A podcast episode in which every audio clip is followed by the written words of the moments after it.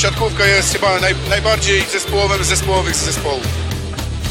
Szósty set. W końcu w komplecie. W końcu w komplecie powróciła moja skromna osoba i możemy wreszcie we trójkę, um, tym razem bez gości, bez Wojtka Żalińskiego, ani żadnego innego gościa. E, liczyliśmy, że może uda nam się zaprosić, ale akurat te okolice um, święta zmarłych są takimi, w których nie jest tak do końca łatwo skoordynować e, wizyty gości, no a więc będziemy musieli Wam wystarczyć we trójkę, e, czyli Piotrek ze studia w Warszawie. Z Rzeszowa Filip Korfanty, cześć. I z miasta rodzinnego Bartosza Pietruczuka, czyli Malborka Kuba Lewandowski. Więc Kuba jak zwykle podróżuje po całym świecie, a my w miarę stabilnie. Jak na razie specjalnie mobilny nie jestem, bo musiałem przejść zabieg, jeżeli chodzi o zdrowie mojego kolana, ale powoli zaczynam dochodzić do siebie, przynajmniej na tyle, żeby obejrzeć Plus Ligę i żeby nie spaść z krzesła, bo to mogłoby mi grozić jakimś tam pogorszeniem urazu. A, aczkolwiek ten poziom raczej nie powoduje, że skaczę z radości jestem bardzo podekscytowany, natomiast na pewno w tej kolejce na brak emocji narzekać nie mogliśmy. Mm. No i co? No to chyba przechodzimy do, e, do meritum, tak? E, grupa Azoty Zaksa Kędzierzyn-Koźle, czy w zasadzie PGS Krabełchatów podejmowała u siebie e, grupę Azoty Zaksę Kędzierzyn-Koźle. Mecz bardzo długi. Rzadko się zdarza, że te mecze nakładające się na siebie, wiecie, rozpoczyna się o 14.45 planowo pierwszy mecz, o 17.30 Tref Gdańsk grał ze Stalą Nysa i ten mecz trwał tak długo, że pierwsze akcje meczu Trefla Gdańsk już się rozpoczęły w momencie, w którym jeszcze ta końcówka była grana, więc mecz był bardzo wyrównany. Natomiast jeżeli byśmy się przyjrzeli tak no, czysto statystykom, czyli jeżeli byśmy się zastanowili, mm, to trochę tak jak skomentował to zresztą e, Swędrowski po zakończeniu meczu, Tomasz Swędrowski, że gdyby spojrzeć na czyste statystyki, które zaraz pokażę, to wydawałoby się, że ten mecz no, nie miał prawa być tak równy. Mhm. E, no tak, jak popatrzymy na liczbę bloków chociażby, 19 punktowych bloków Zaksy, tylko 5 punktowych bloków PGS gry, no to jest różnica ogromna. Zaksa znacznie lepsza w skuteczności ataku, ale z kolei dużo punktów oddawali bezpośrednio, czyli powiedzmy robiąc błędy mm, w ataku. E, jedynie co, no to PGS Krabełchatów dwa razy więcej, ale przyjęcie w miarę porównywalne, przynajmniej statystycznie, przy czym ja w tym momencie jakby kolejny raz mogę sobie trochę ponarzekać na realizację statystyk dla e, kibiców, czy tam ludzi śledzących statystyki na stronie Plus Digi, bo dużo by pokazały statystyki poszczególnych partii. No a niestety na stronie Digi kiedyś taka możliwość była, że poszczególne statystyki kolejnego seta można było zobaczyć, teraz już się tego nie da zrobić, więc jak się zleje 5 setów w jedną tabelkę, w jeden raport, to potem takie rzeczy wychodzą. No ale jakby bardziej do tego, co działo się na boisku, a nie tylko w kontekście liczb. W ogóle rzadko, albo bardzo nawet rzadko zdarza się, żeby Zaksa przegrywała mecze w przyjęciu. Znaczy mecz wygrała, ale chodziło mi o to, że w przyjęciu przegrała jakby ten jeden aspekt. Zwłaszcza nie spodziewałbym się, że do tego dojdzie, jeżeli grała z PGS Krobełchatów, gdzie wiemy jaki tam jest skład osobowy na przyjęciu, gdzie jest Kacper Piechocki, który notuje na razie słaby sezon, jakby do meritum, no to jest jednym z gorszych libero statystycznie. Do tego Dick Koyo, którego charakterystykę znamy, no i Mira Debadipur, który jest bez formy. Ciężko z tak ustawioną formacją przegrywać w przyjęciu, a jednak zawsze to się udało. Mm, zanim e, Kuba pewnie będzie chciał się odnieść do tego, co powiedział Filip, um, ankiety, wracają ankiety. Jestem ja, więc, e, więc i też ankiety będą. Um, kto MVP meczu z Krazaksa? Wybieramy ze zwycięzców. E, Łukasz Kaczmarek został wybrany MVP przez komisarza zawodów. Mm, no i takie wytypowałem kandydatury jeszcze mm, Kamila Semeniuka i Norberta Hubera. No myślę, że tutaj raczej nie będzie wielkich zaskoczeń, ale ciekaw jestem, co, co powiecie, będziecie mogli się wyrazić no, odnośnie wyboru tego najlepszego zawodnika każdego ze spotkań, o których, o których powiemy w trakcie dzisiejszego odcinka i to już jest tyle.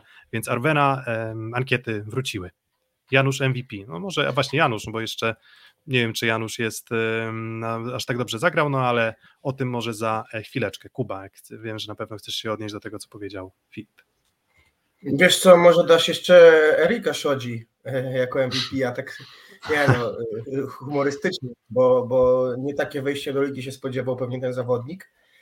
No i to jest też takie mm. pytanie, na ile mm, nasza liga jest trudniejsza od rosyjskiej, jeżeli chodzi o zagrywkę, a na ile to jest dalej to mityczne zgranie w tej linii przyjęcia? Bo to jest takie zasadnicze pytanie. Pamiętamy ubiegły sezon, i jednak kluczowe spotkania Zaksy, szczególnie w Lidze Mistrzów i jak kapitalnie wyglądał Paweł Zatorski na przyjęciu tych bomb. I teraz jest zasadnicze pytanie, czy to jest trochę tak, że mamy pewne oczekiwania do zawodników e, Zaksy z poprzedniego sezonu i tej linii przyjęcia, mm, no bo jednak zupełnie inny libero, trochę o innej charakterystyce, który na tym etapie jeszcze szuka i przyzwyczaja się do ligi, prawda?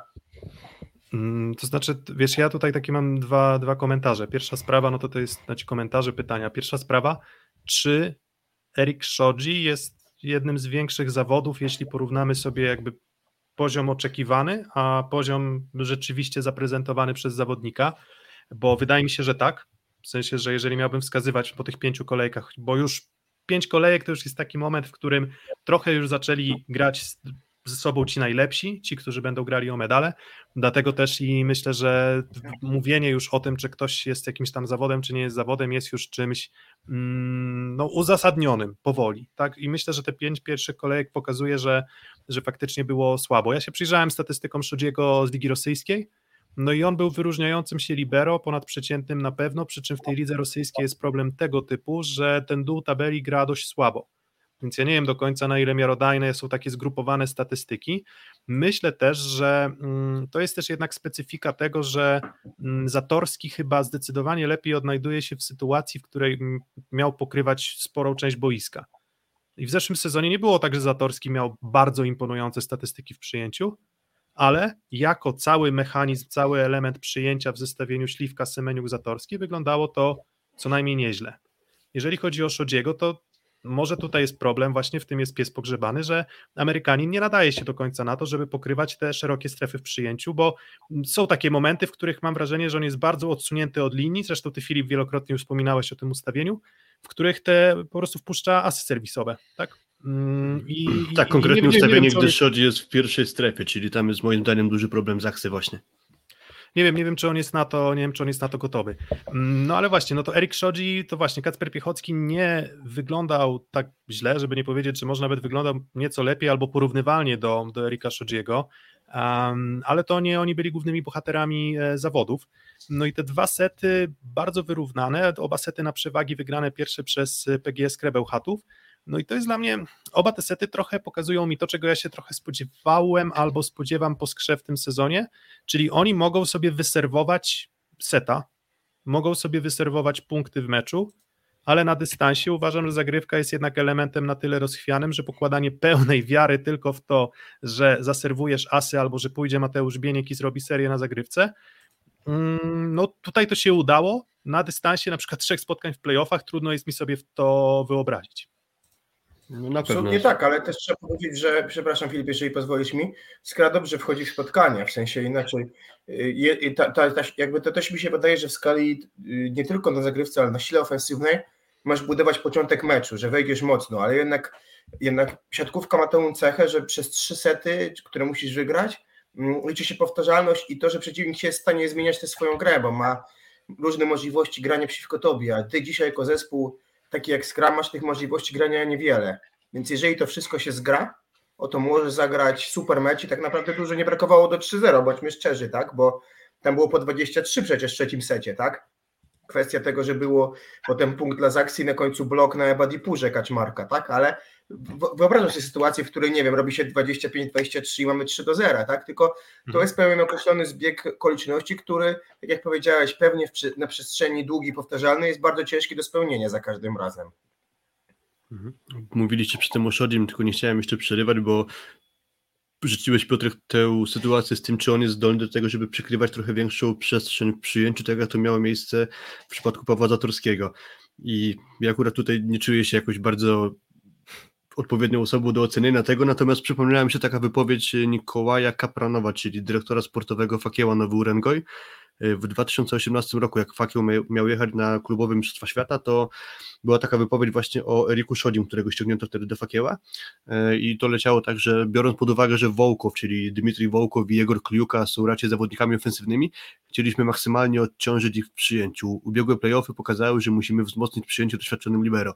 To było życzenie sztabu szkoleniowego, wiążemy z Erikiem duże nadzieje, czyli widać, że kiedyś już trafił do Fakieła właśnie z taką rolą, żeby maksymalnie pomóc w przyjęciu ofensywnym Kliuce i Wołkowowi. W Zachsie jest trochę podobna sytuacja, no i biorąc pod uwagę, jak to jest klasowy libero, bo uważam go za klasowego, jednego z czołowych libero na świecie, to moim zdaniem to jest po prostu kwestia dojścia jego do formy i odpowiedniego poukładania formacji Zaksy, bo ja nie wierzę, że on dalej będzie wyglądał tak słabo i całe przyjęcie Zaksy, że dalej będzie wyglądać tak samo. Moim zdaniem to jest kwestia czasu i ich zgrania się. Może nie będzie to jedno do jednego, tak jak było z Zatorskim, ale na pewno będzie tutaj poprawa. Mówiliście potem o tym, o tej zagrywce skry, no to to też była w ogóle taka no, wymiana ciosów na, na zagrywce, bo w trzecim secie było 8 asów serwisowych i do końca trzeciego seta już 15 i chyba w całym meczu 21, także to sporo właśnie tego było y, tłuczenia z, za linii 9 metra, no ale co zrobić, jeśli masz obie formacje tak wrażliwe, no to musisz próbować tego. Tylko kwestia, jak długo na tym zajedziesz, bo ja się z Piotrek z Tobą zgadzam, że to jest element, na którym nie warto układać sobie gry. To nie jest baza do dobrej gry. To jest coś, co może Ci trochę pomóc, ale bazować, że będziesz tak serwować mecz w mecz, to jest bardzo ryzykowne. Mm, ja takie mam odczucie, że jednak zdecydowanie mm, lepiej jest bazować na bloku i to jest tak bardzo pragmatyczne, bardzo pragmatyczne, analityczne podejście, bo asy serwisowe są wydarzeniem rzadkim. W sensie, że w siatkówce to co do zasady asy zdarzają się, nie wiem, raz na nie wiem, 5 razy na 100 zagrywek, 8 razy na 100 zagrywek mm, wykonanych w trakcie no nie wiem, jakiegoś tam, nie wiem, okresu czasu, e, okresu czasu, okresu w trakcie, nie wiem, czasem jednego meczu.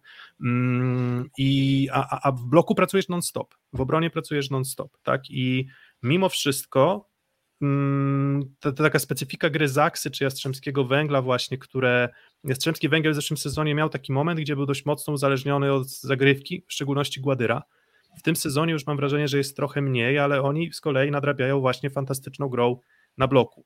Mm, kolejny jest to mecz, w którym PGS Krabełchatów gra mm, nie jest w stanie zatrzymać atakującego, bo nie była w stanie powstrzymać Butryna, nie była w stanie powstrzymać Bentary, nie była w stanie powstrzymać Kaczmarka i dobrze też sobie radził Kapica. W zeszłym sezonie było dokładnie to samo. Czy skakał Sander z Ebadipurem, czy skakał Ebadipur z, mm, z Ebadipur Sawickim na koniec sezonu.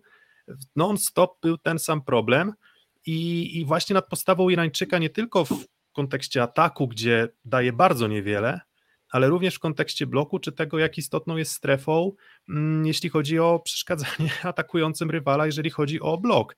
Bo ja nigdy nie uważałem, że Badipur ma ten blok fantastyczny, ale wydaje mi się, że o ile jeszcze z takim Kojem i z takim Atanasiewiczem jak w pierwszych dwóch setach można walczyć, można grać o, o całkiem wysokie cele, mm, ale z takim Ebadipurem może być bardzo trudno, tak? bo tak, tak, jak mówię, on powinien być spoiwem drużyny, a w tym meczu na tle trudnego rywala nie dał nic w zasadzie, praktycznie, praktycznie w niczym Ebadipur nie, nie, nie imponował i Efektywność zero. Tak, i to nie jest pierwszy mecz słaby w wykonaniu Badipura. Właściwie to nie wiem, czy on, on zagrał jakiś jeden mecz, o którym można by powiedzieć definitywnie, że zagrał dobrze. Tylko, że graniem takim trochę zero-jedynkowym z Atanasiewiciem i z mm, Kojem jest też taki problem, że jeżeli Koj po dwóch setach ma 30 ataków wykonanych, to ty, ty też Piotrek dobrze przewidziałeś, że Skra prowadząc 2-0 może ten mecz przegrać. I tak w istocie się stało, czyli fizycznie trochę mogą nie domagać e, ci dwaj zawodnicy, jeżeli będą tak mocno absorbowani, zwłaszcza, że Atanasiewicz wciąż nie wygląda mi za bardzo na zawodnika w formie. Mm, myślę, że swoje robi koi, ale no potrzebuje też na pewno trochę odejścia, czy to właśnie w Serbii, no ale na pewno musi lepiej zacząć grać Ebadipur, no bo po dwóch setach ciężko było mieć duże pretensje do Ebadipura i Atanasiewicza. No ale z biegiem czasu nie jest też dziwne dla mnie, że trochę osłabli. Mm, trochę osłabli, trochę osłabli jeszcze, Wiesz, patrzcie, no to jeszcze jest ten, sorry, jeszcze Kuba, tylko jedna myśl, że nie masz przyjęcia, więc łomacz, choćby, wiecie, to choćby i łomacz uwielbiał i kochał grać środkiem, bo on uwielbia i naprawdę kocha grać środkiem i ma z kim grać, nie może dać odpocząć, tak jak w zeszłym sezonie na przykład, pomimo tego, że też tam był Piechocki, też tam był Ebadipur, no ale jednak trochę stabilniej wyglądało to w przyjęciu, więc Łomacz też i chętnie wykorzystywał środek. Nie wiem, czy to są teraz ustalenia z, z Slobodanem Kowaczem, żeby grał tym środkiem mniej, ale wydaje mi się, że on po prostu nie ma piłek, żeby odciążyć tych swoich atakujących. Nie mówiąc o tym, że wiecie, no, nie jest sztuką skończyć piłkę w sytuacji, w której masz przyjęcie perfekcyjne i rozrzucać i rozgrywający na pojedynczy blok. Sztuką jest wtedy, gdy na tej wysokiej piłce musi sobie poradzić, a, mm, a myślę, że ani Atanasiewicz, ani, ani Ebadipur na dystansie całego meczu mogą tego nie udźwignąć. Nie mówię, że nie są w stanie kilkoma takimi wystrzałami rewolwerowymi po położyć e, zawodnika w obronie, na przykład bardzo mocnym uderzeniem albo gdzieś wybić piłkę o blok, ale na dystansie całego meczu było to mm, trudne, tak? No i stąd też, no kurczę, 19 bloków Zaksy, ogromna ilość. Mhm. Liczba. No dziś ubiłeś mi to z ust, wiesz, bo ja chciałem powiedzieć o tym, że 27 razy grał na środek łomacz, na 134 akcje, tak? Czyli to jest równo 20%. I pamiętam ty miałeś statystyki, że łamać jakby tę średnią 20 chyba dwóch dla ligi mocno przewyższał w ubiegłym sezonie, tak? To było jednak. Znaczy on tam mówił, że gdzieś tam koło, koło, 20, koło 25 głównie, tak? To, to, to bardziej 25, a średnia dla ligi no, tak czyli... 19, więc to i tak było tak trochę, trochę ponad to, co, czego oczekuje się, czy jak no wygląda tak, no to mamy tutaj piłek. jednak 5% mniej, tak? Mm, Wiesz, no 5% tak, tak, mniej, tak. 7 piłek więcej, to też mogłoby coś dać, tak? Mówmy tak, to nie mówię, no, tym, jak, nie ma... jak tak, no 5 piłek przy no, 100, tam 30 atakach, no to jednak jest no 10, 10 piłek, tak wychodzi gdzieś plus minus. Jeśli dobrze, jeśli dobrze tak. liczę. Gdzieś tam 10, 8 i tak dalej. Nie wiem, czy to by zmieniło obraz sytuacji. Nie zmienia to faktu, że mm, bo tak wiecie, rozmawiamy bardzo szczegółowo, natomiast tak ogólnie jakbym zapytał, czy według Was to jest lepszy prognostyk dla PGS Krybełchatów? Że była w stanie powalczyć z drużyną jednak aspirującą o no pewnie wysok, bardzo wysokie cele w tym sezonie?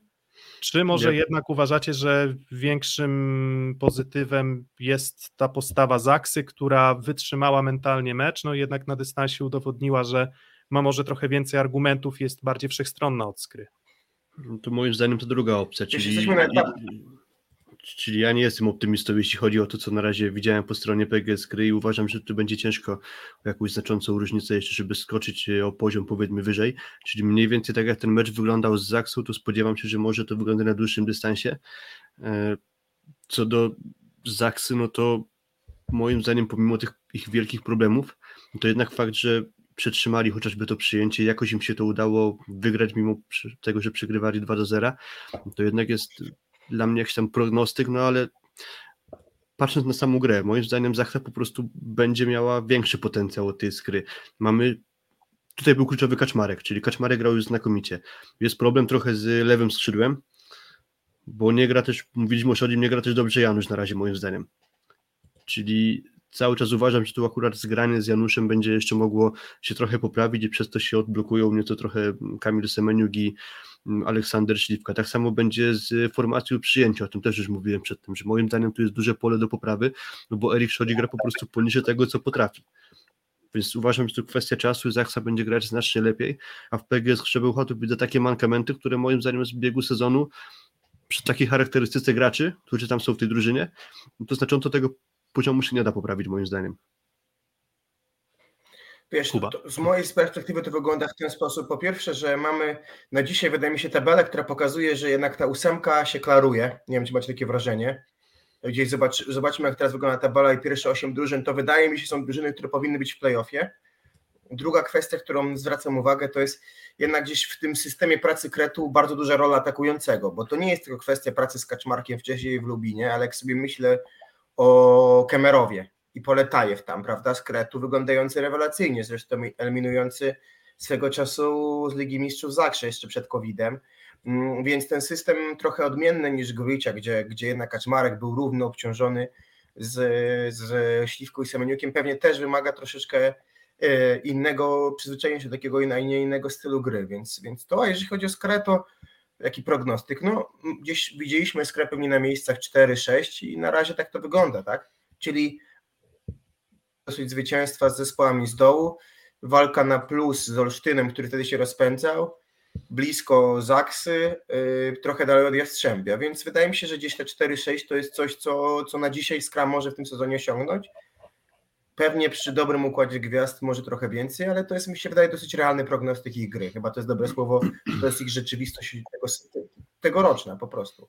Mhm. To, co jeszcze się rzuca w oczy w przypadku Zaksa, o tym mówiliśmy w poprzednich odcinkach i nawet w rozmowie z Wojciechem Żelińskim, że kolejny raz była sytuacja, gdzie Zaksa traci dosyć istotne przewagi, czyli mam na myśli pierwszego seta, początek prowadzenie 5 do 2, dalej 24 do 22, a mimo tego Zaksa tę partię przegrała, 26 do 24 wygrała Skra, czyli między innymi atak e, w na kontrze Aleksandra Śliwki i as Koja do linii w pierwszej strefie, nie wiem, czy tam przypadkiem właśnie Shodzi nie stał, czyli to jest to ustawienie, o którym mówiliśmy, że jest dosyć newralgiczne po stronie Zachsy i tam jest y, często to wykorzystywane. No i skończona potem kontra Atanasiewicza i stąd ta wygrana partia skryna, ale kolejny set, który pokazuje, że Zachsa jest dosyć krucha i, i traci punkty seriami. Mm, właśnie Kuba mi przypomniał przecież, że tak jakoś tak mi to um, um, znaczy, czy umknęło, ale e, Łukasz Kaczmarek faktycznie pracował z trenerem Kretu i ta liczba ataków, jaką on wykonał w tym meczu, to była taka, taka lubińska, lubińska dawka, bo jak tak nawet Typowa pierwsza sobie, opcja w ataku. Tak, jak tak, jak, jak tak się przyglądam, no to właśnie patrzę, że tam właśnie Kaczmarek 64 ataki, 50 ataków, 66. On, mm, on w ogóle jest też, jeżeli dobrze pamiętam, rekordzistą, jeśli chodzi o liczbę wykonanych ataków w Plus mhm. A więc, e, więc, więc to, już tak, to, już tak, to już tak trochę zapachniało, wiecie, zapachniało po prostu troszeczkę inną siatkówką. Ja wiem, że Janusz dobrze gra do tyłu, tak? Jakby potrafił dobrze grać z Filipiakiem, potrafił ukryć pewnie pewne wady Wlazłego.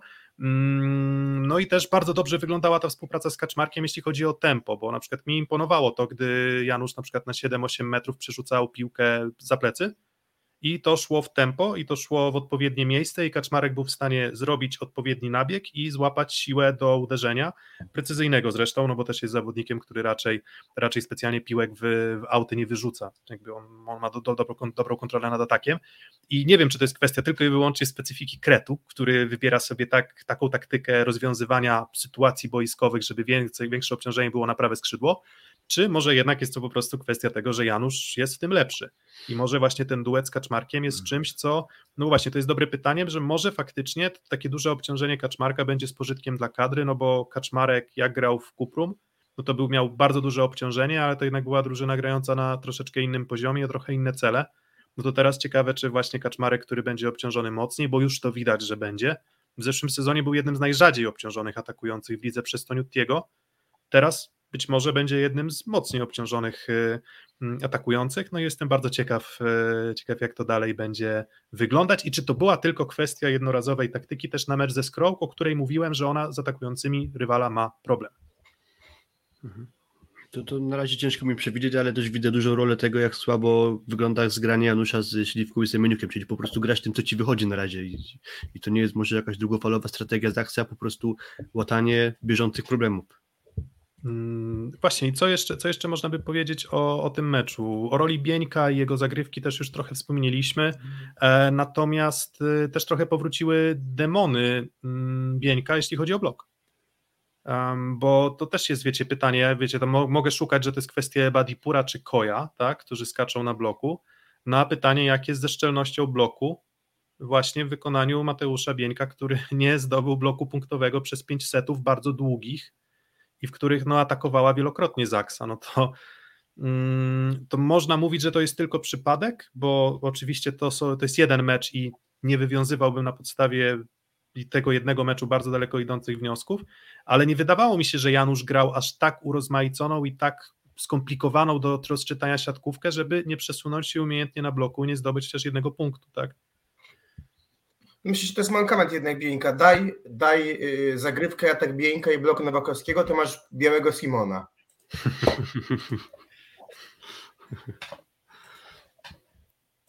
A okej, okay, to jakby to całe...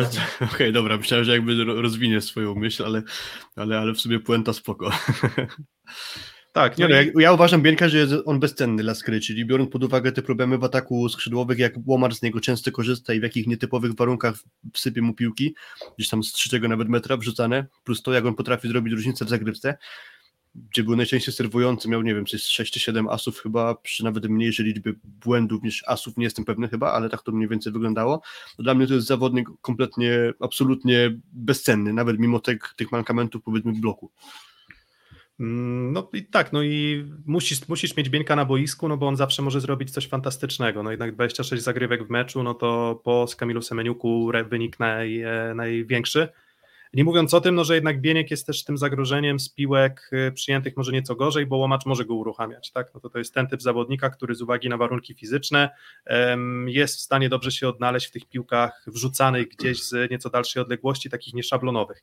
Mm, no i to jest Nawet sobie bardzo... znalazłem sorry, że ci wszedłem jeszcze w zdanie, ale znalazłem sobie fragment pierwszego seta, co tam mówiłem przed tym, że to przewagę mm, Zaksa roztrwoniła, no to jest 18-18 punkt Bieńka, 19-19 punkt Bieńka, 20-19 dla Skry, a z Bieńka, 21-19 a z Bieńka.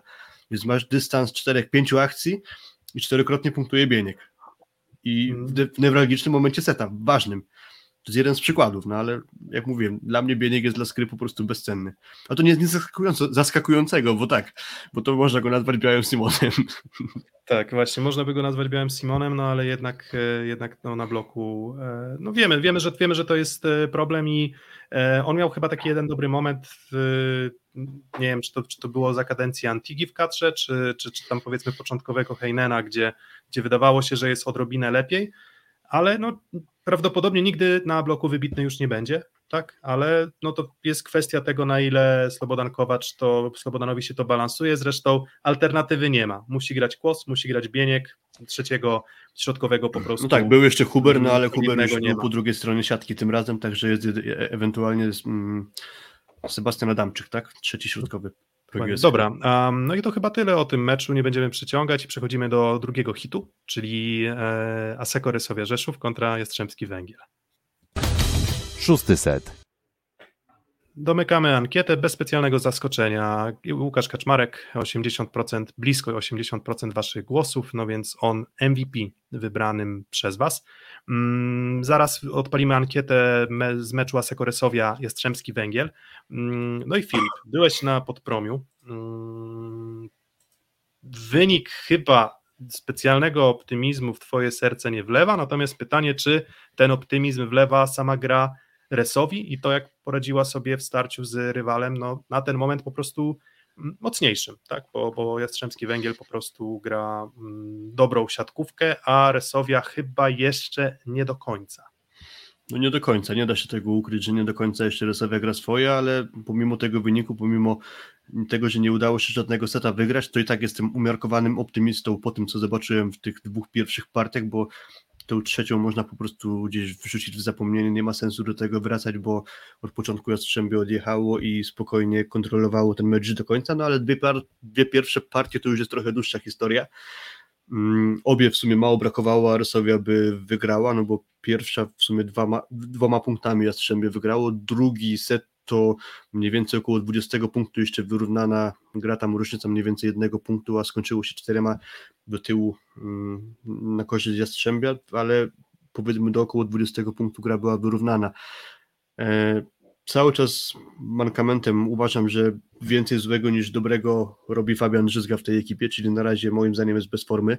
Ja wiem, że można mówić o tych jego problemach zdrowotnych, które się pojawiły jakiś czas temu i przez to nie zagrał z Radomiem, zdaje się, wtedy zagrał Wójcki, ale zostawiając problemy powiedzmy zdrowotne poza, no to widząc to, co jest na boisku, uważam, że Fabian gra po prostu źle, jest głównym dla mnie hamulcowym rysowi na razie, zwłaszcza to było w pierwszym secie widoczne, gdzie większość nie wiem, 3 czwarte, nie liczyłem dokładnie, ale na oko 3 czwarte piłek na lewe skrzydło, to przyjmujący musieli się ratować kiwkami. Tam nie było tak, że on rozgrywał te piłki na lewe skrzydło, albo może starał się rozgrywać, ale z tych piłek się nie dało normalnie atakować.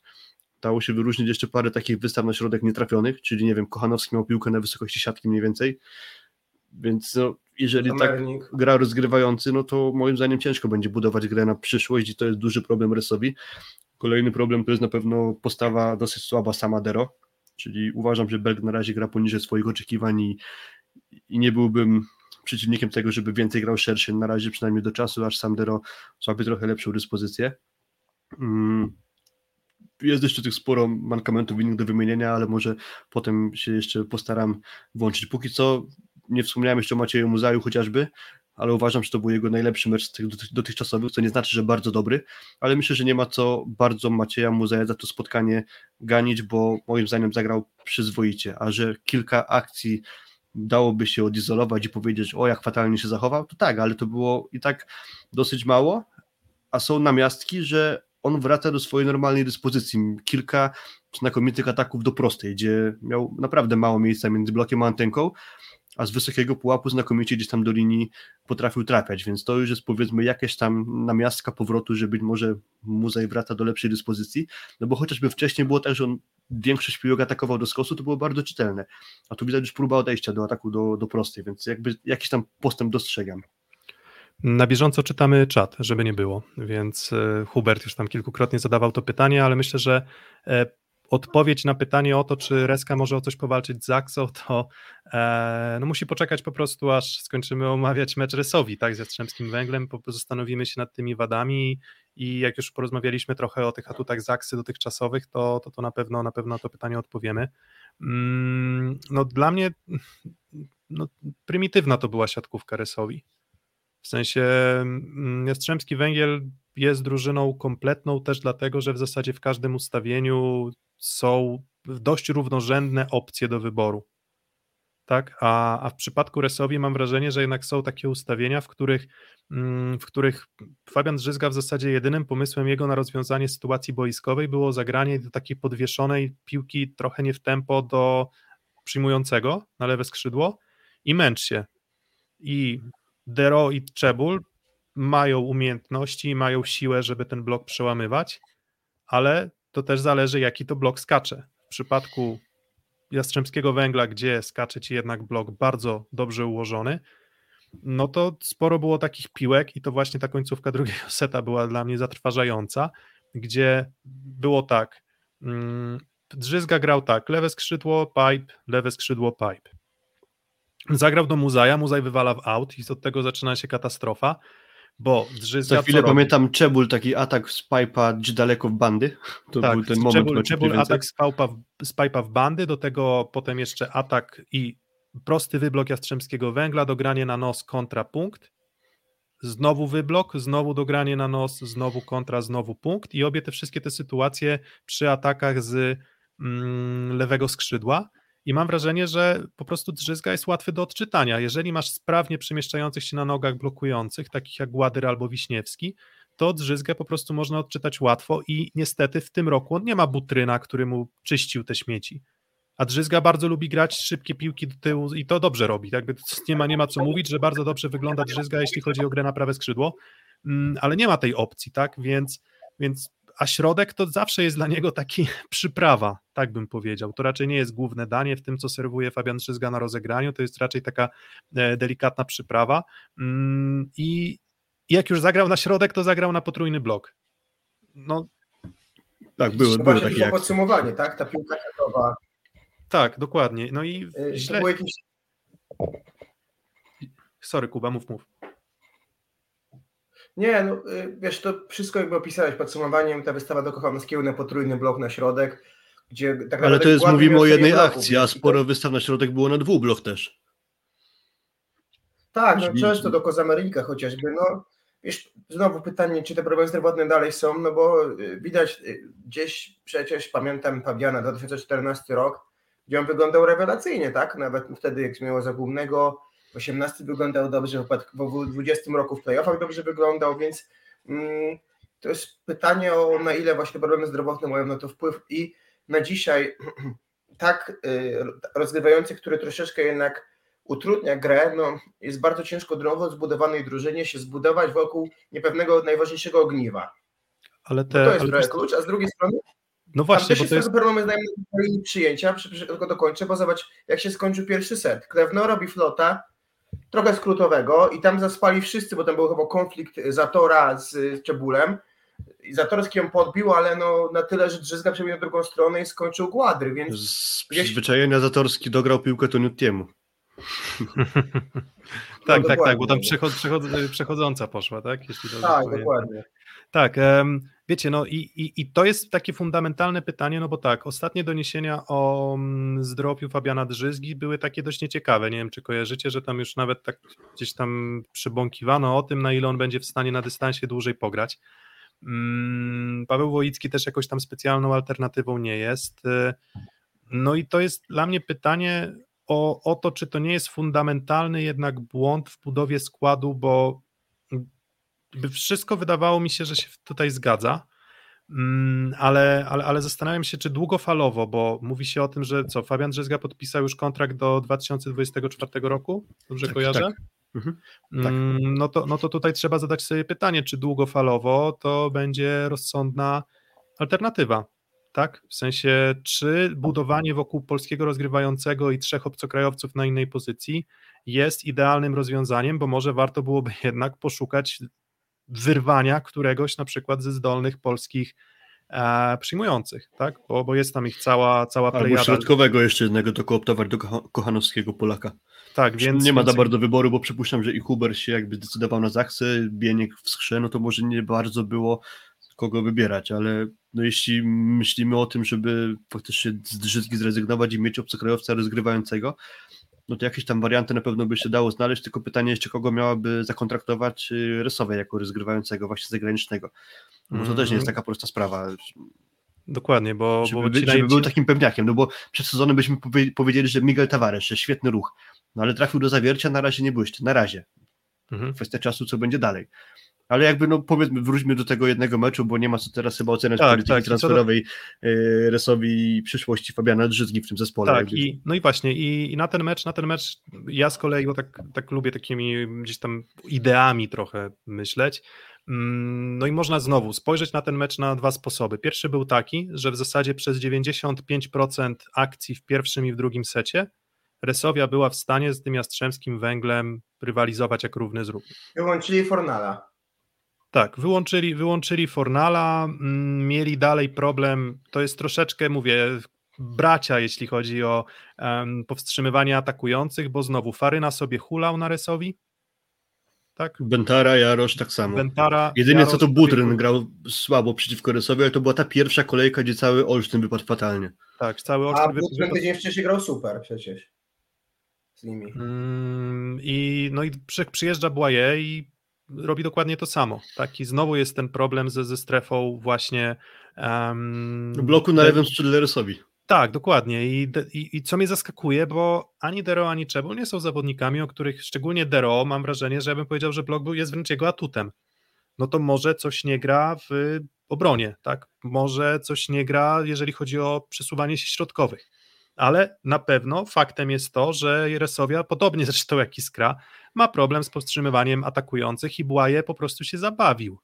Ale wiecie, A- że jeśli 6% bloków robi ci Kochan, no to to też pokazuje, że, że jest problem jednak z tym zewnętrznym środko, y, blokującym. Nie, trzeba byłoby to przeanalizować bardzo dokładnie, bo tam mówię, liczby, mówię, interpretacja liczb może być różna, a jeżeli chodzi o, o ale, ale faktem jest to, że po prostu Błaje to jest kolejny atakujący, który sobie bawił się po prostu z rysowym.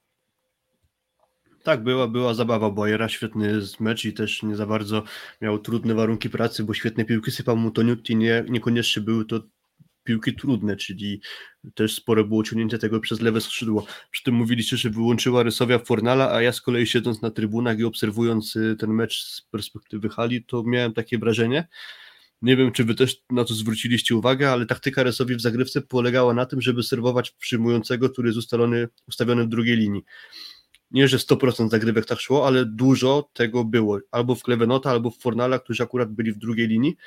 I moim zdaniem zamysł był taki, żeby próbować ich wyłączyć z grania pipa, czyli po prostu zostawiamy sobie, że albo grasz pa- panie Toniutti lewy, prawy albo środek, a nie musimy pilnować pipa.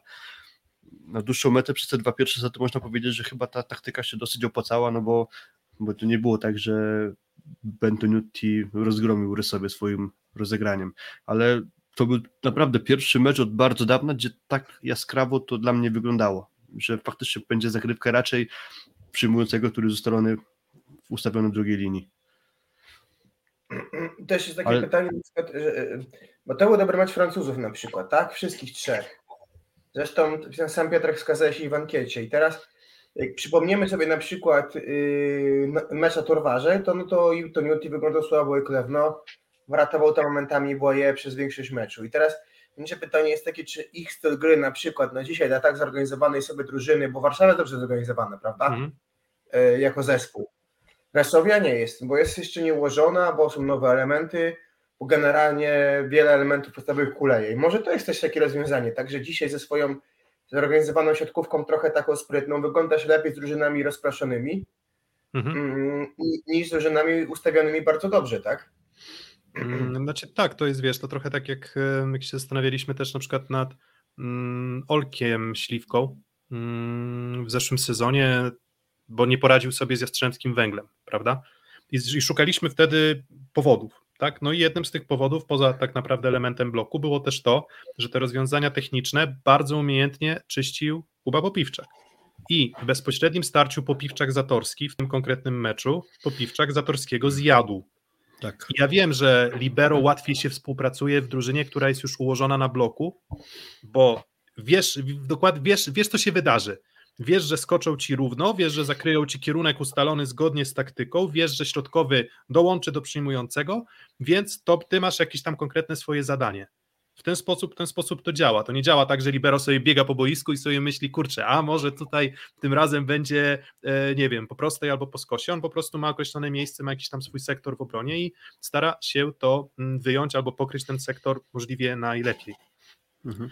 W tym meczu było widać, że Zatorski Zatorski też jest rozczarowaniem początku sezonu, tak? To nie, nie, można powiedzieć, że to trochę tak jak Shoji odszedł z Zaksy i ani transfer Shodziego do Zaksy, ani transfer Zatorskiego do Resowi jak na razie żadnemu z tych dwóch libero nie służy. Niestety.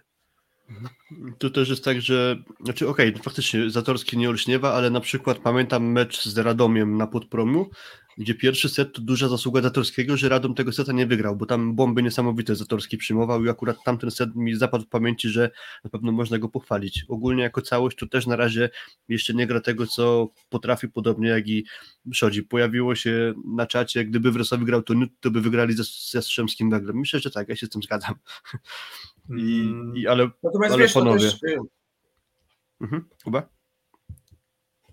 No wiesz, y, kwestia jest prosta dla mnie też. y, Popiwczakowi sprzyjał jednak okres przygotowawczy cały może przepracować i to też jest kwestia tego, że mam przekonanie takie, że kadrowi trzeba nafalować do pewnego etapu formą, tak? No bo grasz bez przerwy mm, i tak naprawdę zwyczajowo moment, w którym kadrowicze wracali do formy, to był, nie wiem, styczeń, luty, coś takiego, tak pamiętam, już jakby wracali do takiej bardzo ugruntowanej formy, no bo mm, to też będzie, wydaje mi się, wyzwanie, żeby tym całą grupą, która gdzieś jest na zupełnie innych etapach, bo niektórzy pracowali cały sezon, inni nie, najpierw ich zgrać, a potem mieć przekonanie, że każdy jest na podobnym etapie formy, bo do tego jest, wydaje mi się, w drużynach nowo budowanych jeszcze daleko.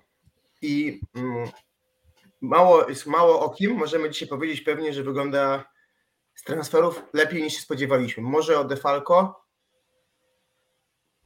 może o szukam kto jeszcze tak, tak z obcokrajowców, kto jeszcze wygląda dzisiaj lepiej niż spodziewałem. Koi chyba mniej więcej podobnie. No No, Kowacewicz, Amerykanie. No Kowacewicz Urosz tak, dobrze, Urosz tak. tak, e, no. mm, Mhm. szukam, szukam góry dalej. No Sekita chyba spodziewaliśmy się, że dobrze będzie grał, prawda? kątem- O, kto? Sekita. Spodziewaliśmy się, że będzie grał dobrze, no i gra dobrze. No tak. Tak, Petkowicz. Ale to jest tak jakby... Mniej więcej też Petkowicz tego się trochę spodziewaliśmy. tak, Petkowicz, ale Petkowicz trochę inna kategoria. O, też? Błaje, dobry, dobry komentarz, Błaje, fakt. Ja się spodziewałem, że będzie dużo gorzej i, dużo, i, i kompletnie inaczej będzie grał. Tak się Dwa spodziewałem. mecze, dwa mecze słabe, trzy mecze świetne, więc chyba bilans, bilans jeżeli chodzi o Stefana Błaje na, na plus. Mm, Ale słabe, czyli które te mecze masz na myśli? Na początku grał słabo, no tylko blokiem się ratował, ale w ataku wyglądało to mizernie. Z Lublinem pierwszy Mhm. Okej, mecz. ale, ale mecz, ogólnie y, moim zdaniem na plus, tak? Nysą. Nie, no ale potem trzy kolejne już super. Zwłaszcza że mi trochę zaczęło imponować to, jak on potrafi grać różnorodnie, czyli on nie tylko idzie w jednym tempie i łatuje na pałę z, z zasięgu, tylko pojawia się trochę u niego zmiany tempa chociażby, czasami jakieś kiwki się pojawiają, które są dosyć y, takie trudne do wyciągnięcia, także na razie to jest dla mnie pozytywne zaskoczenie. Pomimo fakt, że okej, zgadzam się, że te dwa mecz chociażby w Lublinie na otwarcie sezonu to nie było nic imponującego, chociażby w Warszawie też parę baboli zrobił, ale generalnie to tak, to, to na plus. No i Kleve Kleve na plus, tak, myślę, że, że, że, że Też, też nie wszystkie spotkania, ale, ale generalnie na plus. Ale tak, no ciężko, mówię, to też jest tak, że ciężko jest grać non-stop od deski do deski fantastycznie, no jakbyśmy Defalco ten pierwszy mecz, czy pierwsze dwa mecze wzięli pod uwagę ze Skroł i z Resowią, to też byśmy powiedzieli mm, mm.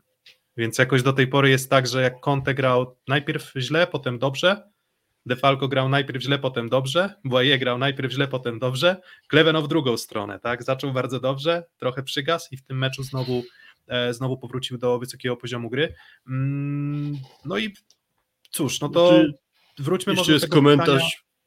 Okej, no to w takim razie wróćmy do pytania, które, do którego chcesz wrócić, ale ja też wrócę do swojego wątku potem jeszcze. O, Hubert, żeby nie było, bo tam kilkukrotnie zadawał to pytanie, czy Reska może o coś powalczyć z Axą?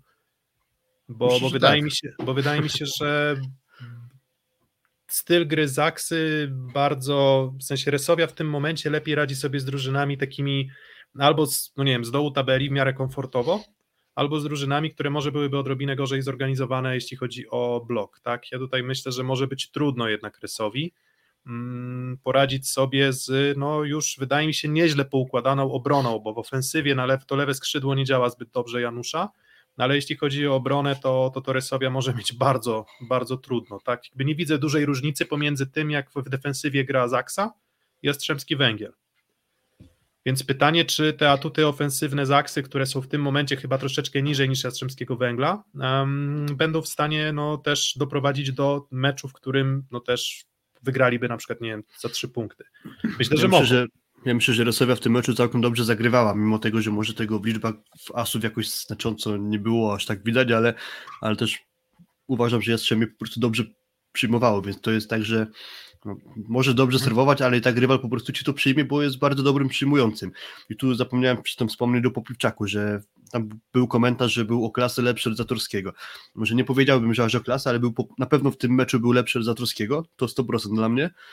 No i to, co chciałem wspomnieć o Popiwczaku, bo sporo o nim też wspominamy os- ostatnio, to też jakby wartościowa ciekawostka, powiedzmy, wyniesiona przeze mnie z treningu Jastrzębskiego Węgla dzień wcześniej w hali na Podpromiu, że już większość graczy zeszła z boiska, porozciągała się, już zaczęli schodzić do szatni, a Popiwczak cały czas jeszcze na boisku i tam rzeźbi przyjęcie, czyli widać, że to jest chyba taki pracuś, który no, dużo po prostu poświęca, zostaje po treningu trenować przyjęcie, tak to po prostu z tej jednej jednostki treningowej przynajmniej wywnioskowałem, że no, samemu pewnie nie przychodzi, a swoje na treningu musiał zrobić. Reprezentatywna próba n równa się 1 Tak, I, tak, i, tak. I nie, no już wiesz, już, już można wyciągać wnioski. Nie, ale, ale no jest to sygnał, tak? Jest to sygnał, że, że poza takimi normalnymi zajęciami na pewno Kuba Popiwczak stara się być coraz lepszy, pomimo tego, że już jest bardzo dobry, żeby nie powiedzieć, że świetny. Mm, To co, to chyba zamykamy, co, ten temat? Yy, Chyba, że jeszcze Czy, Kuba. jeśli pozwolisz, właśnie- to ja mam dwa wątki jeszcze do rozwinięcia, ale No dobra, śmigaj. Pierwszy wątek jest taki, że no, dokończę tylko to, co mówiłem o tej zagrywce Resowi, że moim zdaniem właśnie Resowia serwowała dobrze, a po prostu Jastrzębie świetnie przyjmowało, a tłukliśmy przedtem, że no, Zaksa jest wrażliwa w przyjęciu, więc y, Mhm, może to być tak. element, który będzie działał na korzyść Resowi. No i też tak trochę, może to nie jest twardy argument jakiś, ale przypomnijcie sobie poprzedni sezon, gdzie Zaksa była długo niepokonana i dopiero w końcówce lutego y, pojechała Resowia do Kędzierzyna i wygrała 3 do 2. To był ten mecz, gdzie Resowia musiała wygrać, żeby się liczyć w, o, w grze o udział o Puchar Polski. I też mi się wydaje, że dwa sezony temu było tak, że Resowia miała długą, y, znaczy Zaksa miała długą serię wygranych i, i, i tam pojechała i tę serię przerwała. Albo dwa, albo trzy sezony temu tak było. Ale to z takich mało istotnych historycznych spraw. Jeszcze ten drugi wątek, o którym chciałem wspomnieć, to Maciej Muzej i był komentarz o tym, że on jest jakby odpuszczany w bloku, bo też o tym nie powiedzieliśmy. Ja przy tym trochę pochwaliłem, w pewnym sensie pochwaliłem Macieja Muzaja, że, zaczął grać lepiej niż wcześniej. Jakby izolując ten moment, że piłka już do niego leci, to było to poprawnie, ale problem jest też taki, że nawet jak on nie dostaje piłek, nie zepsuje nic, to też ułatwia grę, czytanie gry rywalowi, bo Drzyzga po prostu Muzaja w trudnych sytuacjach odpuszcza.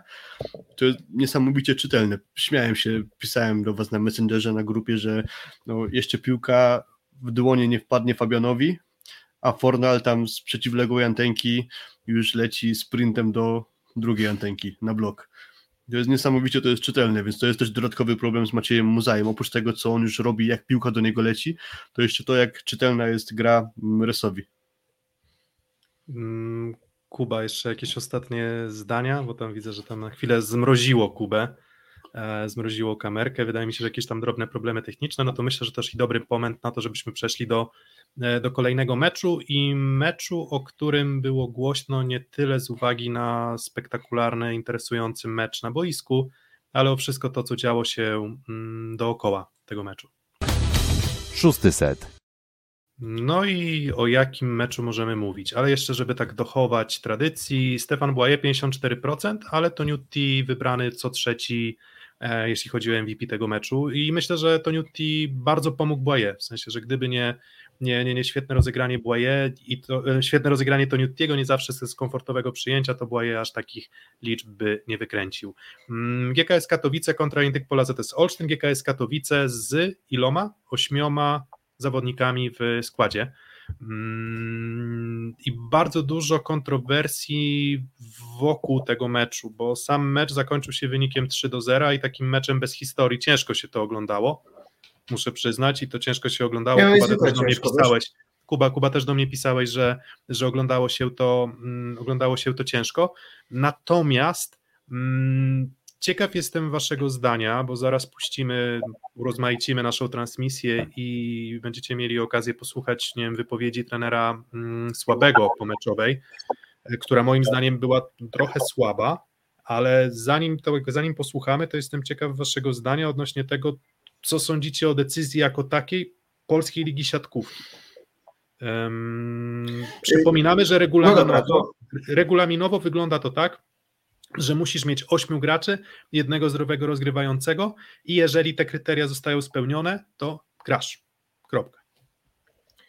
Dura lex sed lex, tak uczą studentów prawa, także twarde, twarde prawo, prawo, ale prawo. Wiadomo, tak, natomiast generalnie kwestia jest taka, że tutaj mamy do czynienia z kilkoma kwestiami, tak, no bo mamy trzech zawodników zagranicznych, którzy mają jakieś komplikacje związane z zakażeniem, czyli kwestia pewnie szczepień czy nie szczepień, oczywiście decyzja każdego zawodnika dobrowolna, małych takich klubów jak Zaksa, gdzie wszyscy z tej opcji skorzystali.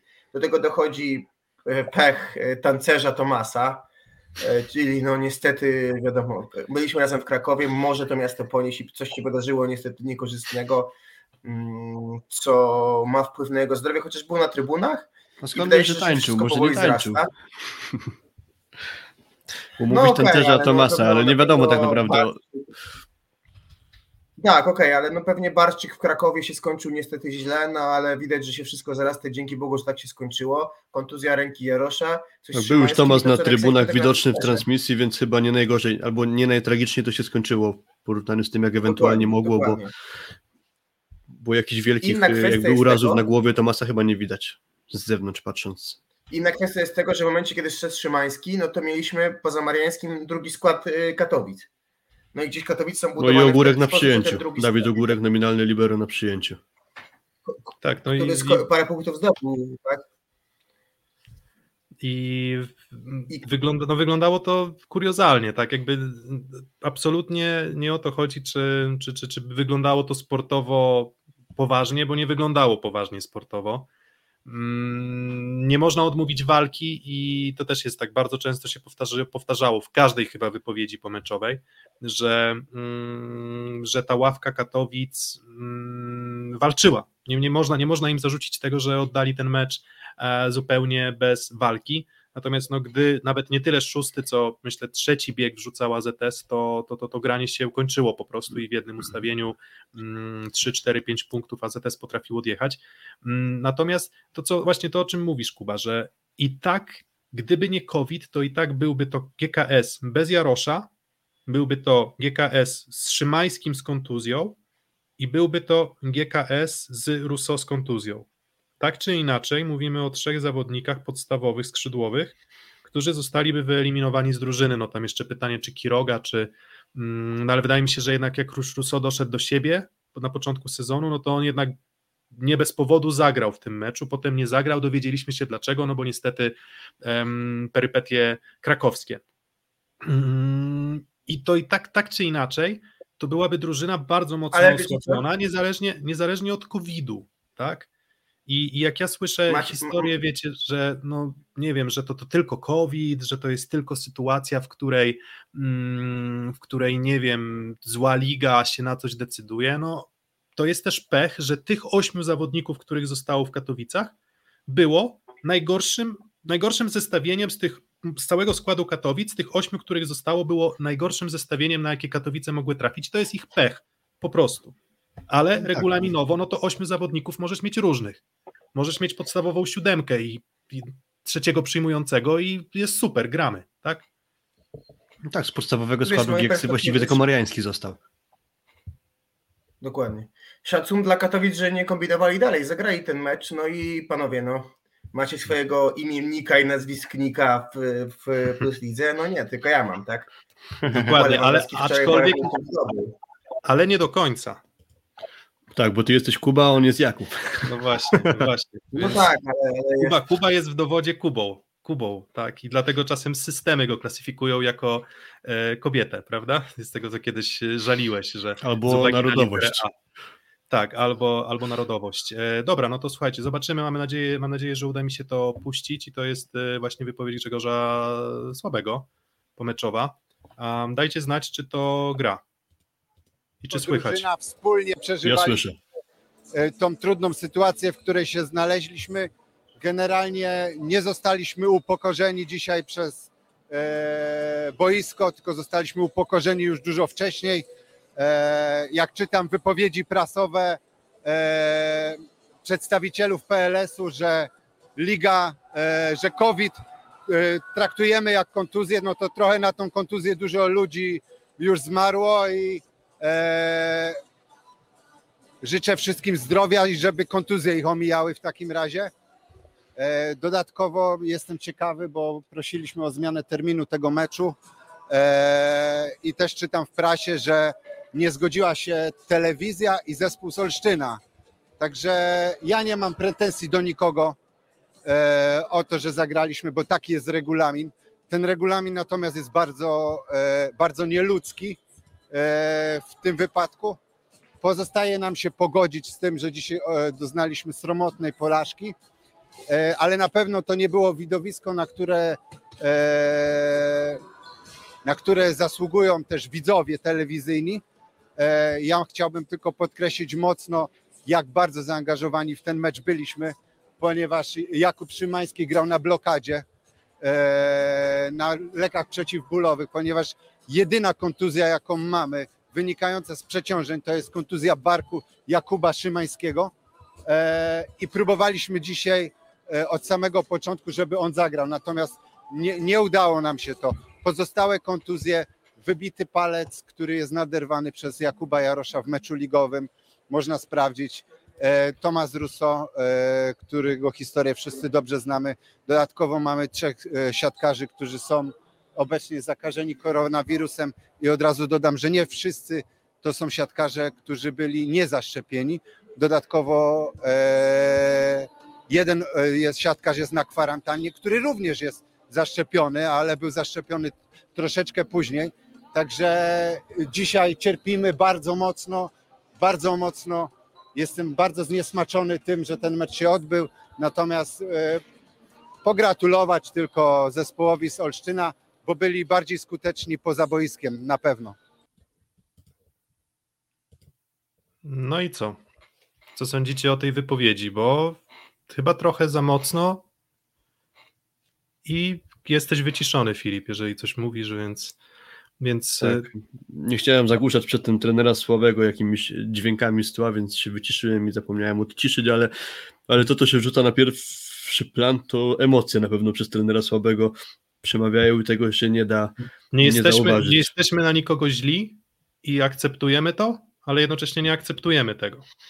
Wiecie, to tak trochę, trochę, tak to, trochę tak to zabrzmiało, czyli że rozumiemy regulamin, ale regulamin okrutny, rozumiemy Indykpol, tam AZS Olsztyn, mm, no ale to, to nie stolik, to, to, to decyzja ligi, w sensie nie udało nam się skomunikować z Kamilem Składowskim, rzecznikiem Polskiej Ligi Siatkówki przed naszym nagraniem, żeby potwierdzić, jaka była finalnie sytuacja, jak wyglądała historia, ale nie widziałem ani jednej wypowiedzi w mediach, że Indyk Pola ZS Olsztyn, nie wiem, odmawiał przełożenia tego spotkania. Zresztą ja nie uważam, że Indyk Pola ZS Olsztyn powinien mieć cokolwiek do powiedzenia w, mm, w tego typu sytuacji. No i, i wydaje mi się, że trochę za dużo tych emocji, tak? Plus takie trochę zrobienie z siebie... Takich szpilek trochę wbijania, niepotrzebnych moim zdaniem. Na przykład tego, że na końcu powiedział, że Indyk Pola ZS na pewno był skuteczniejszy poza boiskiem. No, Tak, no to to już moim to, to zdaniem już niepo, było takie- niepotrzebna zupełnie ta, to wtrącenie. Natomiast wyobraźcie sobie, bo tak, padło jakby z ust trenera Sławego, że na przełożenie nie zgodziła się telewizja Polsat i nie zgodził się Indyk, Indyk Polacy Rezorsztyn. To w takim razie do Was ta, teraz takie pytanie. Załóżmy, że Polsat się zgadza, załóżmy, że Olsztyn się zgadza. I Liga by ten mecz przełożyła? Bo moim zdaniem nie. Więc jakby to nie jest kwestia tego, że nie zgodził, nie zgodził się Polsat czy Olsztyn, a być może Lidę po prostu było łatwiej pod, podjąć decyzję i zwalić winę na, na telewizję i na, i, na, i na zespół z Olsztyna, ale moim zdaniem tak czy tak e, ten mecz nie byłby przełożony, jeżeli by to zależało tylko od ligi. Wiecie do czego zmierzam, że nie, nie możemy tworzyć precedensu takiego, że za jakiś czas wypadnie kolejnych kilku graczy na COVID i będziemy przekładać mecz za meczem i znowu wywalimy sobie rozgrywki do góry nogami, tak jak to było w zeszłym sezonie, gdzie to się momentami koszmarnie po prostu śledziło i ciężko było nadążyć za, to, za tym, co się w lidze dzieje. Więc regulamin jest taki, no jak powiedział Kuba na początku, dura lex sed lex, no i pech po prostu Katowic. Znaczy... I moje zdanie jest takie, ja też bym tego meczu nie przekładał. Szukam trochę analogii, że nie wiem, masz dwóch kontuzjowanych, nagle czterech łapie grypę żołądkową, tak? Czy chorobę żołądka. Jest to możliwe, tak? No i co, też przekładamy? No wydaje mi się, że mm, postarajmy się zagrać sezon optymalny, nie chcemy powtórek, zagrajmy maksymalnie, to jest jeden mecz, no, czy jeden mecz, no oczywiście, pewnie, po, powiedzmy sobie na koniec sezonu, co to decydowało, tak? Natomiast mm, to, że to nie miało nic wspólnego z meczem, wynikało dokładnie z tego, że wypadło sześciu podstawowych zawodników, natomiast czy analizując regulamin, który mówi, że masz ośmiu, to grasz. I Katowice za to brawa, nie ściemniały, że jest siedmiu niezdolnych, tylko jest ośmiu. I to jest pewnie klucz, bo pewnie powiedzieli, że niezdolny jest jeszcze jeden, no to wtedy już nie gramy. Mm, pytanie, czy, e, czy, czy, czy to powinno być brane pod uwagę przy analizowaniu regulaminu? No bo regulamin nie mówi, no nie, no chyba, że masz czterech podstawowych z ośmiu, tak?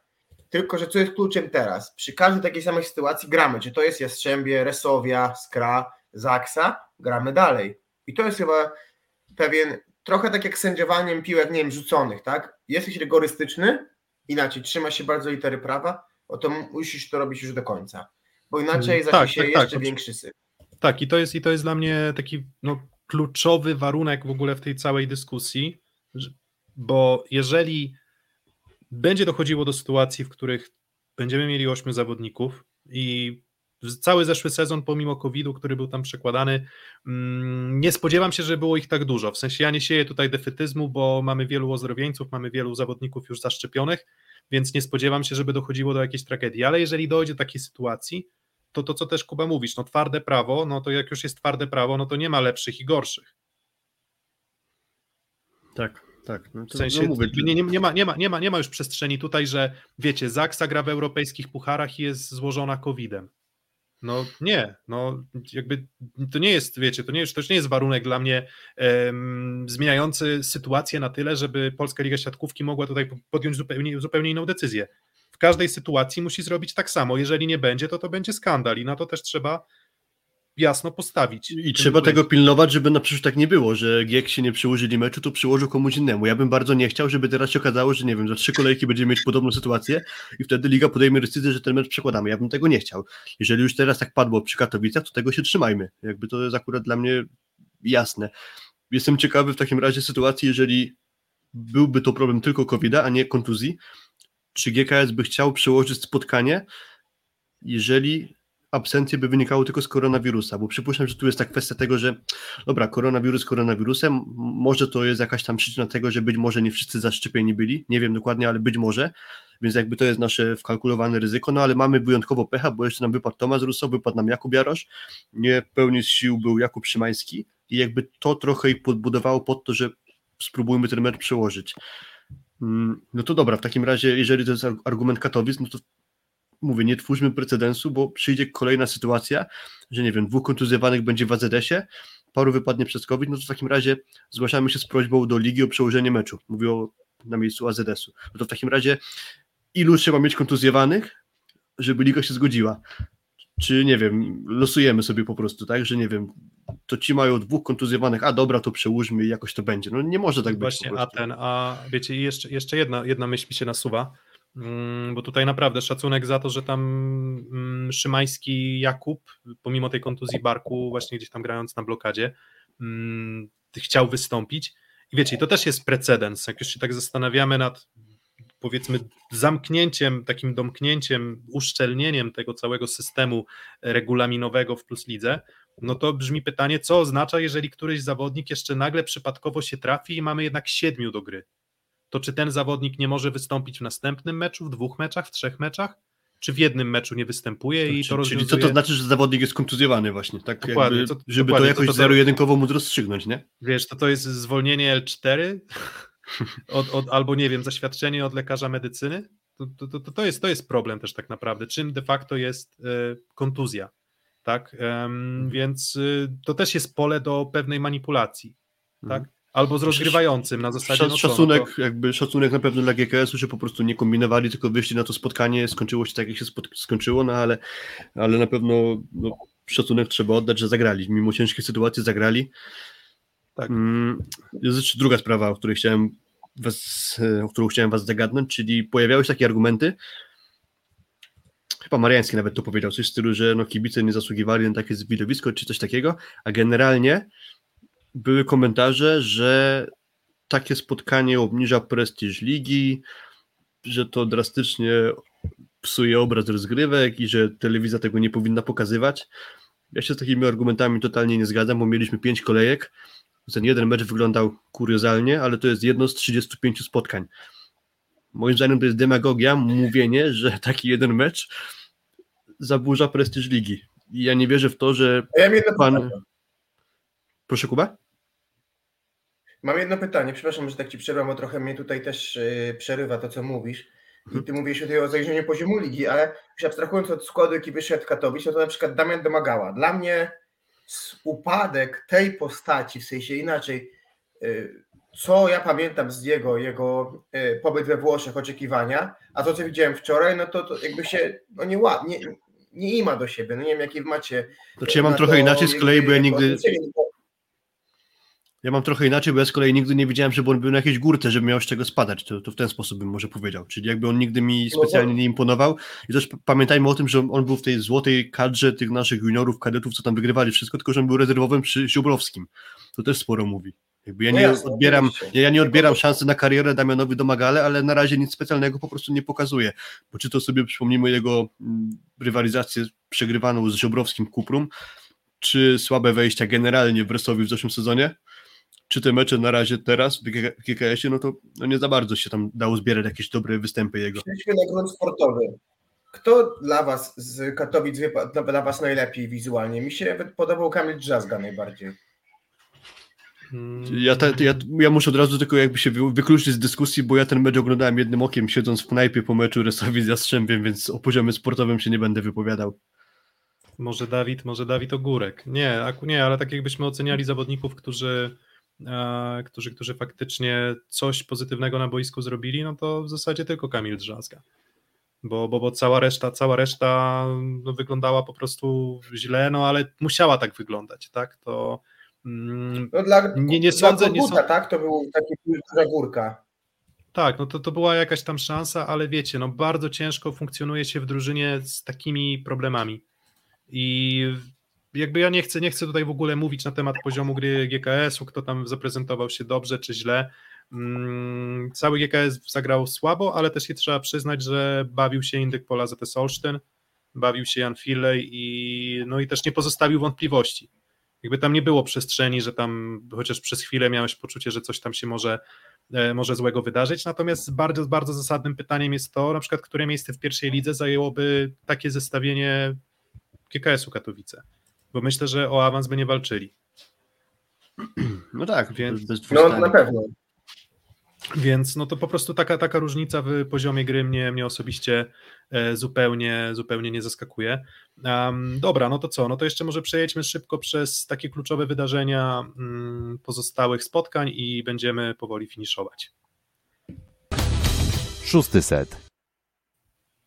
Mm, Właśnie, pozostałe, pozostałe spotkania to tak. e, Nie ma chyba za dużo do powiedzenia, jeśli chodzi o mecze projektu Warszawa z Lublinem i Trefla Gdańsk ze Stalą Nysa, bo to były moim zdaniem słabe mecze faworytów, którzy zapunktowali dobrze, zdobyli te trzy punkty, na które liczyli, ale ani projekt, ani em, ani Tref Gdańsk nie, nie zagrali moim zdaniem dobrej siatkówki. Tref cały czas tej dobrej siatkówki nie gra i tak czekam i czekam i czekam i cały czas mam poczucie, że może się już nie doczekamy aż tak dobrej gry jak w zeszłym sezonie, bo coś ewidentnie nie gra, jeżeli chodzi o atak, o skuteczność ataku tej drużyny. No i kto jest tam podstawowym No atakującym? Czy granie. czy Stasak? Nie wiem, nie wiem, czy to jest kwestia Powoli jeszcze, chyba nie wiem, Sasak. może, może Sasak, ale w- to też nie jest tak, no MVP meczu, tak? Ale to też, no mówię, no to jest, to nie jest tak, że jak to niektórzy próbują tworzyć taką narrację, że Wlazły już się nadaje tylko do piachu, a Sasak to będzie zbawca Trefla Gdańsk, bo myślę, że nie będzie zbawcą Trefla Gdańsk, może być trochę lepszy, ale to nie znaczy, że nie będzie miał gorszych momentów, w których Wlazły nie będzie w stanie pomóc. Co do zasady, to zestawienie prawego skrzydła nie jest imponujące i nie ma znaczenia, czy to jest Sasak, nie ma znaczenia, czy to jest Wlazły, po prostu wygląda to e, tak sobie, jeżeli chodzi też o współpracę Kampy z, e, z, z, tymi zawodnikami. No, z Al-Hajdadim też nie wyglądało to jakoś imponująco w zeszłym sezonie, przez sporą jej część. Ja postawię tezę, że chyba bardzo ważny będzie Mika jednak, bo wydaje się, że Reichert nie będzie w stanie dać co, tak cokolwiek w ofensywie. Na to się na razie zanosi. Yy, I, I kwestia jest taka po prostu, że sytuacja jest taka, że jeżeli wróci Mika do tego, co prezentował na samym początku, no to wtedy ta konfiguracja Mika, Lipiński może dać sporo. No plus Wlazy wydaje mi się, że jeszcze też, tak jak mówię, nie jest tylko tarcia chrzanu, tak? Mówię, Właśnie, dajmy jeszcze mu zagrać. Winiarski wyciągnął wnioski z jego samych spotkań, zagrał z Sasakiem, ale no nie chowajmy tych zawodników jeszcze do szafy, bo to jest piąta kolejka, okej, Gdańsk łatwy terminarz, no ale wydaje się, że jednak to tą ósemkę jest personalnie po prostu gotowy, tak? Wiecie, wiecie, jaką skuteczność ataku miała Mamoritz Reichert po czterech spotkaniach? Zgadujcie. A nie ujemną czasem? E, e, efekty, Nie, efektywność ujemną. skutecz, skuteczność ciężko, ale, ale Znaczy w sensie nie.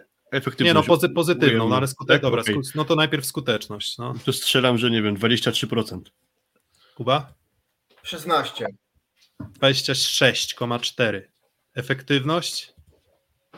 To pewnie z, z 5. 6 na Zero.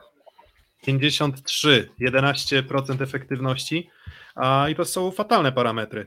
I tak jak Kuba mówisz, Mika wyglądał dobrze, ale to też jest pytanie, czy wszystko jest ok ze zdrowiem Mateusza Miki, jeżeli tak mizerny Moritz Reichert gra na, ciągle jest, no, przebywa na boisku. Tak więc, y, więc to jest cały czas problem trefla.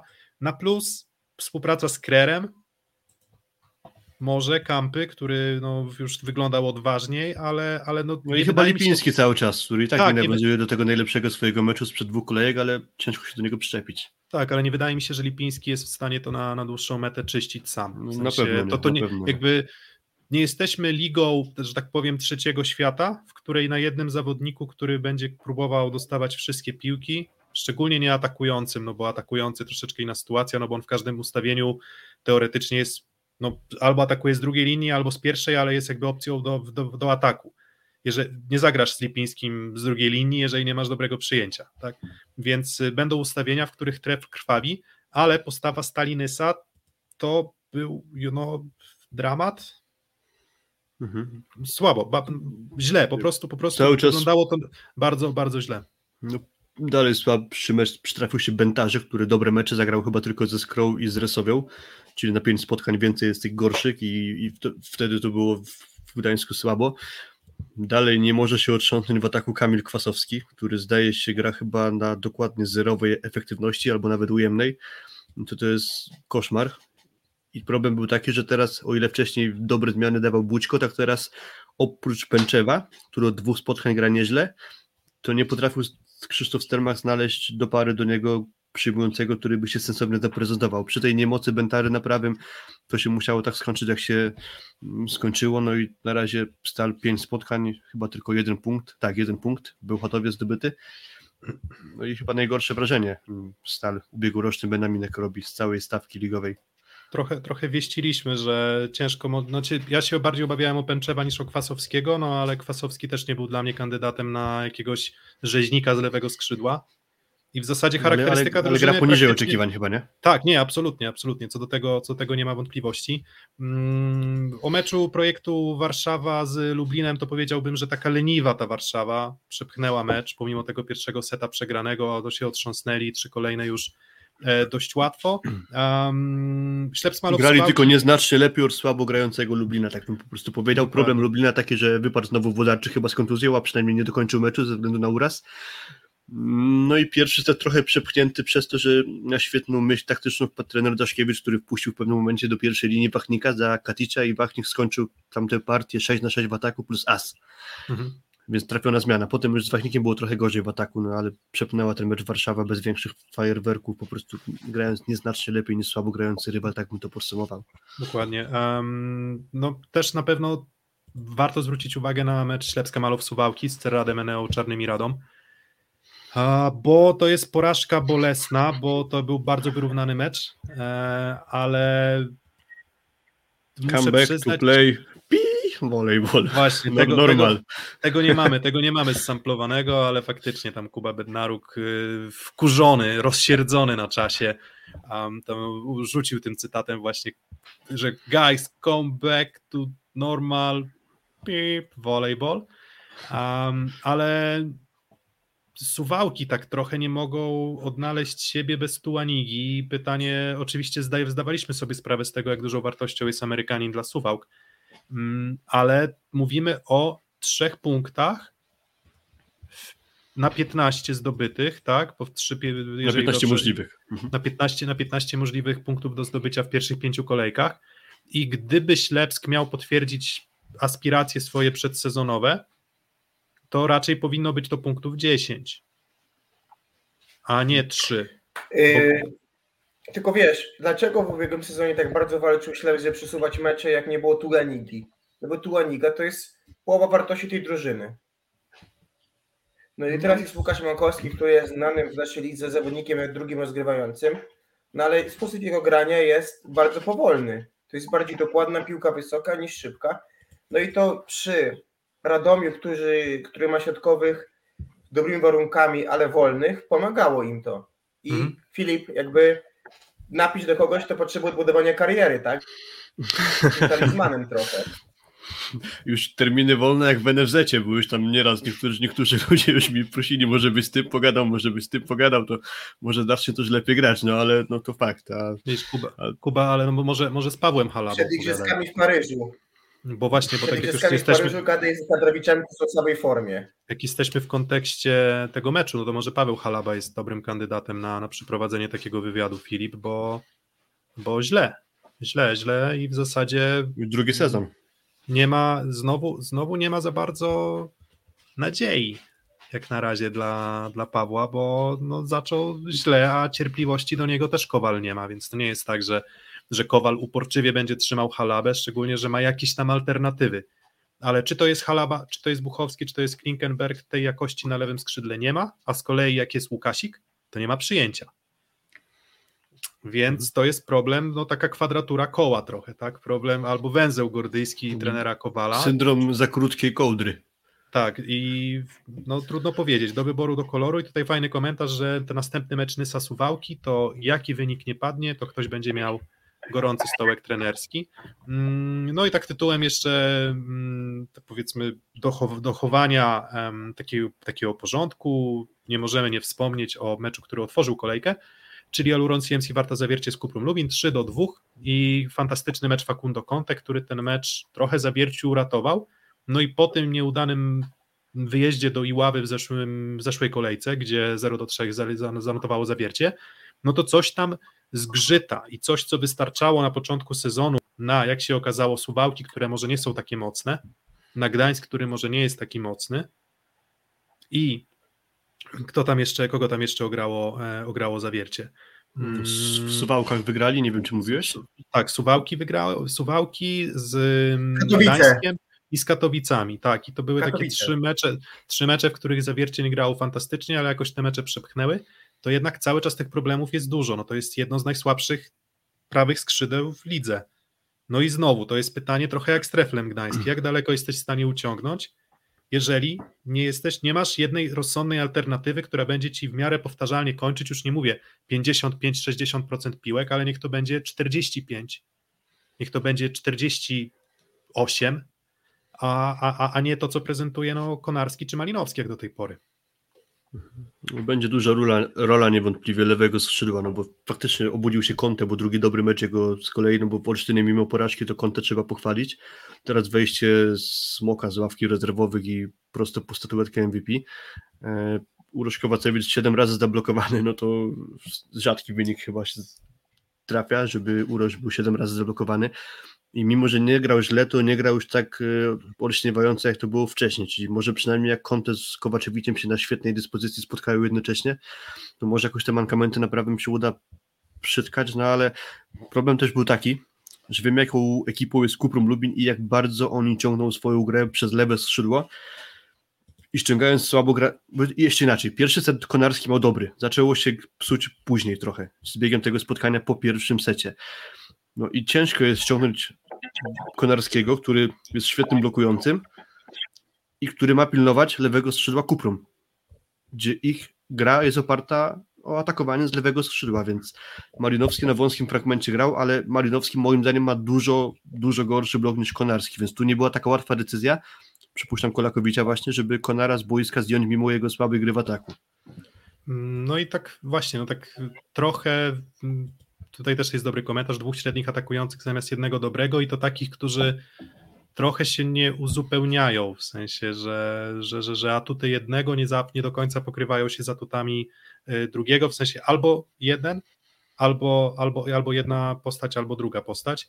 Um, no i to jeszcze komentarz, dobra, tak słabo Kuprum ocenialiście przed sezonem, ja nie pamiętam, kto nagrywał odcinek y, z Kuprum, wydaje mi się, że akurat ty, Kuba, z, z Filipem, nie pamiętam, nie pamiętam do końca, co powiedzieliście, ale no, ja też, ja też podtrzymuję to, że to nie jest tak, że Kuprum jest, nie wiem, fantastyczną drużyną. Wydaje mi się, że jednak skorzystali w, i w poprzedniej kolejce na tym, że no nie było Tuanigi, no bo Radom ograł Suwałki na wyjeździe, a Lubin ograł, to zaprezentował się też bardzo dobrze z Suwałkami u siebie, ale do tej pory też nie było jakiegoś nieprawdopodobnego szału, natomiast no myślę, że to w miarę spokojne utrzymanie powinno być, chyba.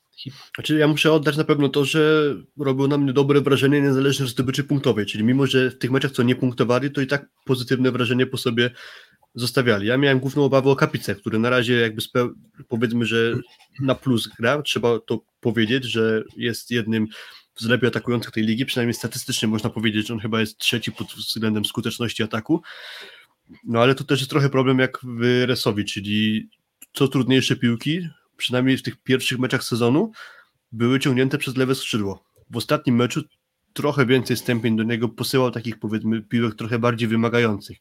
Ale Remigiusz Kapica jak na razie na plus na pewno, a to była moja duża obawa właśnie jeśli chodzi o Kuprom, że nie znajdą sobie sensownego atakującego.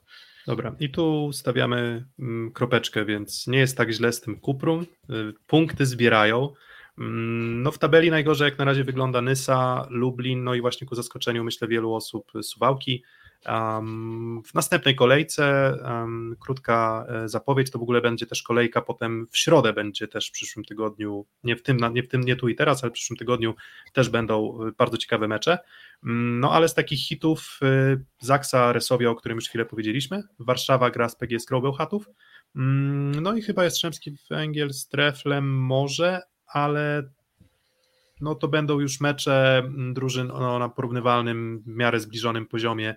Pozostałych i raczej um, nie chcę powiedzieć z dołu tabeli, ale raczej tych, które mogą mieć problem z włączeniem się do gry o medale, chociaż nie odbieram szans AZS-owi Olsztyn, oni będą z Lukiem Lublin na wyjeździe grać, albo Aluron CMC Warta Zawiercie przyjeżdża do Czarnych Radom, no i zobaczymy, czy te dwa zwycięstwa Czarnych to jest już zwiastun takiej większej poprawy gry, czy może jednak jest to cały czas urok tego, że właśnie wykorzystali słabość e, Suwałka albo słabość, mm, słabość Gdańska w tych dwóch meczach.